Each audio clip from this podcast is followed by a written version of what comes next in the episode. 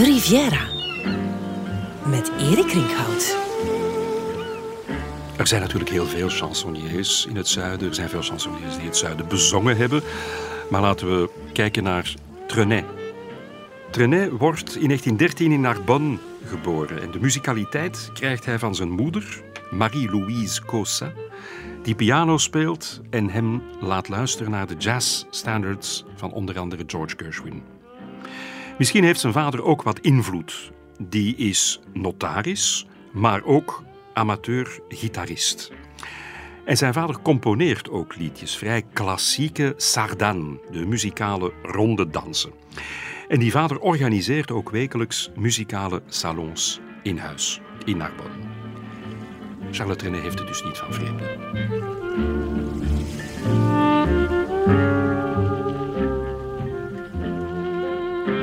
Museum in zijn geboortehuis opende zijn deuren in 2000.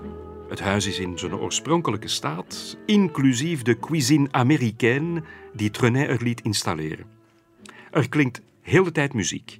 Er staan citaten van Trenet op spiegels en ramen die een beeld geven van de eeuwige optimist met een donker randje.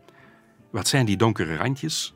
Aan de ene kant is hij tijdens de Tweede Wereldoorlog blijven optreden voor de bezetter. Wat resulteerde na de Tweede Wereldoorlog in een onderzoek, wat uiteindelijk leidde tot een berisping, meer niet. Dus hij is niet veroordeeld geweest voor collaboratie. Het tweede donkere randje is zijn nooit uitgesproken homoseksualiteit. Hij eh, is altijd een beetje rond de pot blijven draaien. Hij heeft zich nooit echt uitgesproken. Behalve helemaal op het einde, toen hij al 86 was, lichtte hij een tipje van de sluier op en hij zei: Je suis joyeux, je ne suis pas gay. Het enige wat Trenet ooit publiekelijk over zijn homoseksualiteit heeft gezegd. Maar hoe zit het nu eigenlijk met de inspiratie van Trenet? Wel, een van zijn beroemdste chansons is La Mer. Gek genoeg gaat La Mer helemaal niet over de zee. Want Trenet krijgt de inspiratie voor dat chanson wanneer hij in 1943 met de trein van Montpellier naar Perpignan rijdt en vanuit het raam l'étang de Thau ziet. Een groot meer, dat weliswaar vlakbij de Middellandse Zee ligt, maar het is niet de zee zelf. Hij schrijft de tekst van het nummer in nog geen 20 minuten, maar het liedje blijft in de kast liggen. Zelf ziet Trenet er niet meteen een hit in en andere zangers willen er zich niet aan wagen omdat het te gewoon is. Uiteindelijk neemt René het nummer toch op in 46. Hetzelfde jaar toert hij door de Verenigde Staten en de Amerikaanse versie, Beyond the Sea, met een tekst geschreven door Jack Lawrence, wordt plots een enorm succes. Somewhere beyond the sea, somewhere waiting for me. Er is een verschil tussen de twee nummers. De Engelstalige versie gaat over een voorbije liefde, terwijl La Mer een ode is aan, jawel, de zee, of op zijn minst het water. De weerspiegelingen, de eeuwige deining van de golven, de roestige huisjes aan de zee. Trenet zingt dat hij gewiegd is door de zee, die voor eeuwig zijn hart gestolen heeft. La mer qu'on voit danser le long du golfe clair a des reflets d'argent la mer. Des reflets changeants sous la pluie. La mer. En er is meer. Charlotte René houdt echt de vinger aan de pols als hij in 1955 het jazzy liedje Route Nationale 7 uitbrengt. De autoweg Route Nationale 7, de N7, 996 kilometer lang, net geen duizend, verbindt Parijs eindelijk met het zuiden. Door de Bourgogne en de Provence, langs Lyon, Aix-en-Provence, Nice en Roquebrune tot aan de Italiaanse grens in Menton. De Route Nationale 7 wordt in de jaren 50 het symbool van de vakantie met de auto. De toutes les routes de France, d'Europe, celle que je préfère, c'est celle qui conduit en auto ou en autostop vers les rivages du Midi. National 7. De Côte d'Azur is plotseling bereikbaar voor iedereen. Het massatoerisme is geboren en Frankrijk lijkt wel gekrompen. Trenet zingt dan ook dat Parijs een voorstad van Valence en een buitenwijk van Saint-Paul-de-Vence is geworden. Qui traverse la Bourgogne et la Provence. Qui fait de Paris un petit faubourg de Valence. Et la banlieue de Saint-Paul-de-Vence. Het vrolijke en erg grappige lied wordt onmiddellijk een hit. De Route Nationale 7 blijft trouwens legendarisch en trekt nog altijd nostalgische chauffeurs aan, ook al ligt er sinds de jaren 1970 een echte snelweg naar het zuiden, de Autoroute du Soleil. Het voordeel van de Route Nationale 7 is, je betaalt geen tol. On est heureux. National 7. On chante en fête. Les oliviers sont bleus, ma petite Lisette. L'amour joyeux est là qui fait risette. On est heureux, National 7. Het is ook met de Route Nationale 7 dat we althans, volgens Charles Trenet, ook naar Sète kunnen rijden. Andere belangrijke stad waar een andere belangrijke chansonnier geboren is, Georges Brassens. 1921. Sète is een havenstad aan de Middellandse Zee. De moeder van Georges Brassens is een Italiaanse, devoot katholiek, Elvira da Grossa. Een oorlogsweduwe die uit een eerste huwelijk een dochter heeft. Maar ze huwt een tweede keer met een Fransman, Jean-Louis Brassens. Metser en hevig anticlericaal. De geesten moeten daar vaak gebotst hebben. Zo weigert vader Brassens aanwezig te zijn bij de communie van zoon Georges. En wordt Georges nu eens naar een college, dan weer naar een gemeenteschool gestuurd. Maar de ouders hebben gelukkig ook wel wat gemeen. Liefde voor de muziek en liefde voor het lied. En die liefde krijgt Georges met de paplepel ingegoten. Hoewel zijn moeder dan toch weer vindt dat hij niet naar de muziekschool mag gaan. Notenleer heeft hij nooit gehad. Maar hij leert wel het Franse chanson kennen en de jazz, voor hem verenigd in Charles Trenet. Laten we het beknopt houden. Georges Brassens raakt op zijn zeventien betrokken bij kleine diefstallen, samen met zijn vrienden, die het kleine set op zijn kop zetten. Hij besteelt, je houdt het niet voor mogelijk, onder andere zijn eigen zus. Maar zijn vader vergeeft het hem.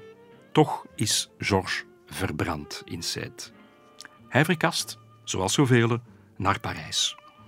Wordt tijdens de Tweede Wereldoorlog in de bezetting van Parijs opgetrommeld voor verplichte tewerkstelling in Duitsland, maar krijgt verlof wegens slechte gezondheid en zal ervan profiteren om onder te duiken in Parijs. We schrijven 21 maart 1944. Heel belangrijk, want hij komt terecht in de intussen, in zijn biografie, legendarische Impasse Florimont nummer 9. Bij de al even legendarische Jeanne Planche, een vriendin van de tante van Georges. Jeanne wordt later vereeuwigd in het chanson La Canne de Jeanne. La canne de Jeanne est morte au neuf, elle avait fait la veille. Georges Brassens leefde in zeer eenvoudige, zeg maar primitieve omstandigheden.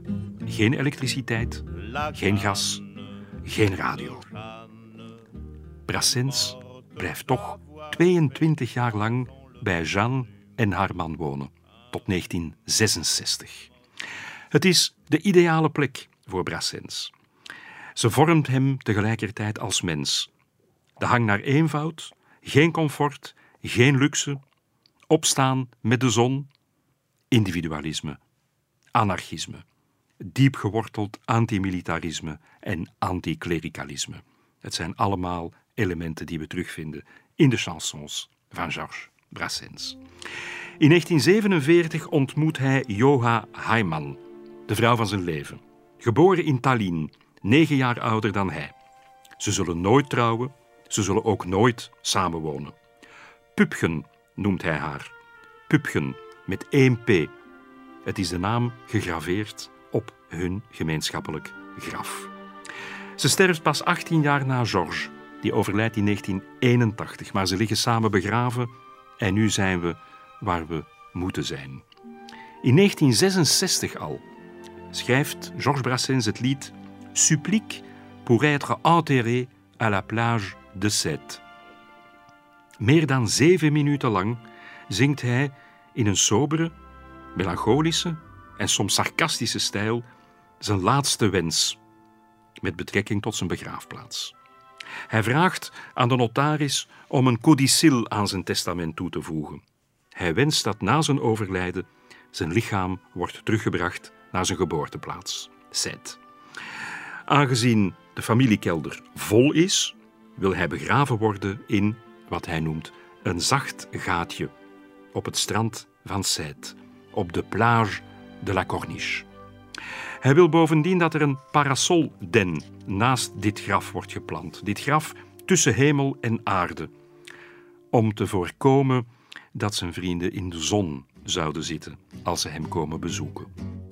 Est-ce trop demandé sur mon petit lopin? Plantez, je vous en prie, une espèce de pin, pin parasol de préférence, saura prémunir contre l'insolation les bons amis venus faire sur ma concession d'affectueuse révérence. Het lied verwijst expliciet naar dichter Paul Valéry, ook geboren in Sète, en zijn gedicht Le cimetière marin, het zeemanskerkhof. Ce toit tranquille où marchent des colombes, entre les pins palpitent, entre les tombes. Midi le juste y compose de feu la mer, la mer toujours recommencée.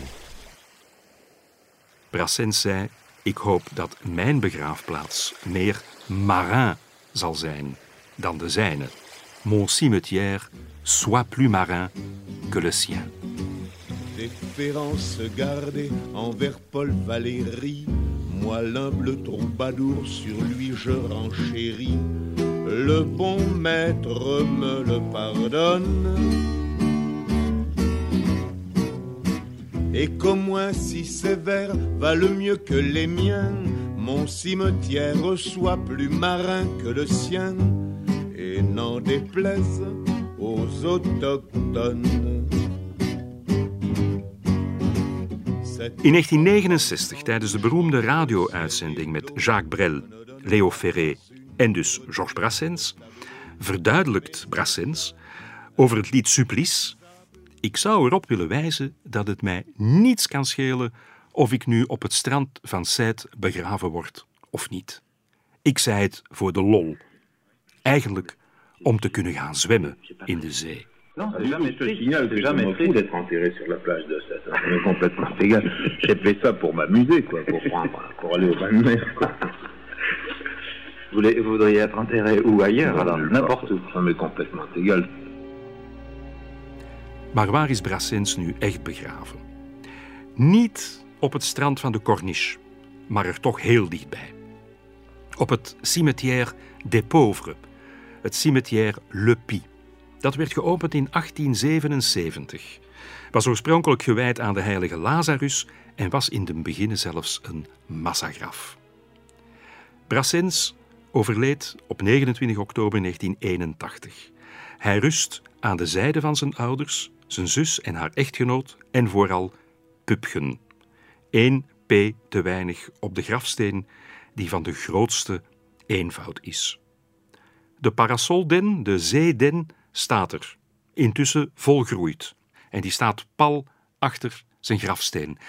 En ik kan je verzekeren, het kan heel heet zijn in Sète. De zon kan er verschroeiend heet zijn. En die den biedt aan de bezoeker, en ik ben daar ook geweest, schaduw, zoals Brassens het had gewild. Pauvre roi Pharaon, pauvre Napoléon, pauvre grand disparu gisant au Panthéon, pauvre cendre de conséquence.